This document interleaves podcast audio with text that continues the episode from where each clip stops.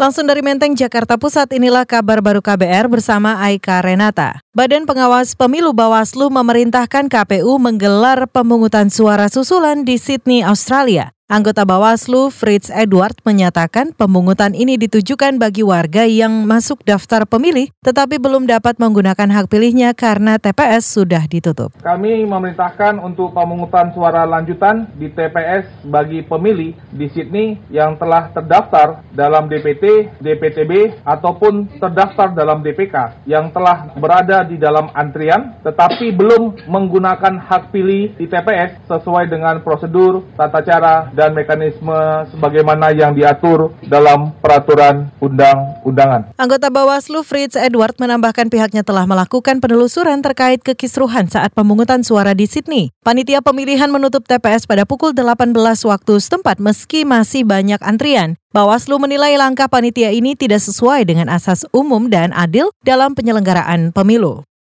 Kita beralih saudara Kepala Kantor Staf Presiden Muldoko mengklaim tak ada ancaman keamanan di Papua hingga Hamin satu pemungutan suara. Ia yakin pemilu di Papua termasuk di Kabupaten Duga berjalan lancar tanpa ancaman kekerasan maupun terorisme. Muldoko juga tidak khawatir dengan aksi boykot pemilu seperti yang digaungkan oleh Gerakan Pembebasan Papua Barat ULMWP. Ia yakin seruan itu tidak mempan mempengaruhi warga Papua menyalurkan hak pilihnya. Kan baru-baru ini ada sejumlah kekuatan yang kita turunkan di sana ya. Nah, kebetulan ada kegiatan politik ya pasti juga itu bagian dari yang diamankan. Sehingga saya yakin itu masyarakat tidak akan terganggu walaupun itu ada himbauan-himbauan boykot Enggak, saya pikir enggak mempan lah itu ya. Karena masyarakatnya terlindungi di sana. Enggak ada masyarakat yang terancam enggak. Karena pasukannya cukup memadai untuk bisa mengamankan sampai dengan penyelenggaraan pemilu ini. Kepala KSP Muldoko optimis tingkat partisipasi pemilih di Papua akan tetap tinggi. Pada 2014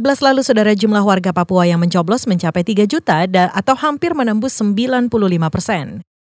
Kita menuju informasi lainnya, Saudara Presiden Joko Widodo kembali berjanji segera menaikkan aturan jaminan produk halal. Jokowi mengatakan draft aturan berbentuk peraturan pemerintah itu masih dibahas di tingkat menteri. Rencana penerbitan aturan itu memang beberapa kali molor sejak akhir tahun lalu. Padahal regulasi ini ditargetkan terlaksana paling lambat 17 Oktober 2019 sebagaimana perintah undang-undang. Belum sampai ke saya. Kan targetnya harus tahun ini kan Pak? Ya, kalau sampai di meja saya saya cek tanda tangani. Nah, kekuatan ini yang harus diberikan ruang untuk bisa berkembang, masuk tidak hanya ke pasar-pasar di dalam negeri, tapi yang paling penting kita bisa masuk ke pasar-pasar ekspor. Karena juga pertumbuhan dari produk-produk halal ini sangat sangat pesat sekali. Sementara itu Menteri Agama Lukman Hakim Saifuddin menyatakan masih berkoordinasi dengan kementerian lembaga terkait dalam merumuskan draft peraturan itu. Lukman berdalih produk yang harus tersertifikasi halal sangat banyak. Pembahasan paling alot adalah untuk produk farmasi. Kita ke Jawa Timur, Saudara. Tunggakan iuran peserta BPJS Kesehatan Banyuwangi mencapai 44 miliar rupiah lebih. Peserta yang menunggak berasal dari jalur mandiri terutama kelas 3 yang tersebar di tiga wilayah, yakni Banyuwangi, Situbondo, dan Bondowoso. Kepala Kantor Cabang BPJS Kesehatan Banyuwangi, Hernina Agustin, menyatakan jumlah itu merupakan akumulasi dari tunggakan di tahun-tahun sebelumnya. Kami sudah banyak melakukan uh, kegiatan mulai dari telecollecting, jadi kami teleponi, kemudian melalui surat, kami surati setiap untuk menagihkan dari pintu ke pintu.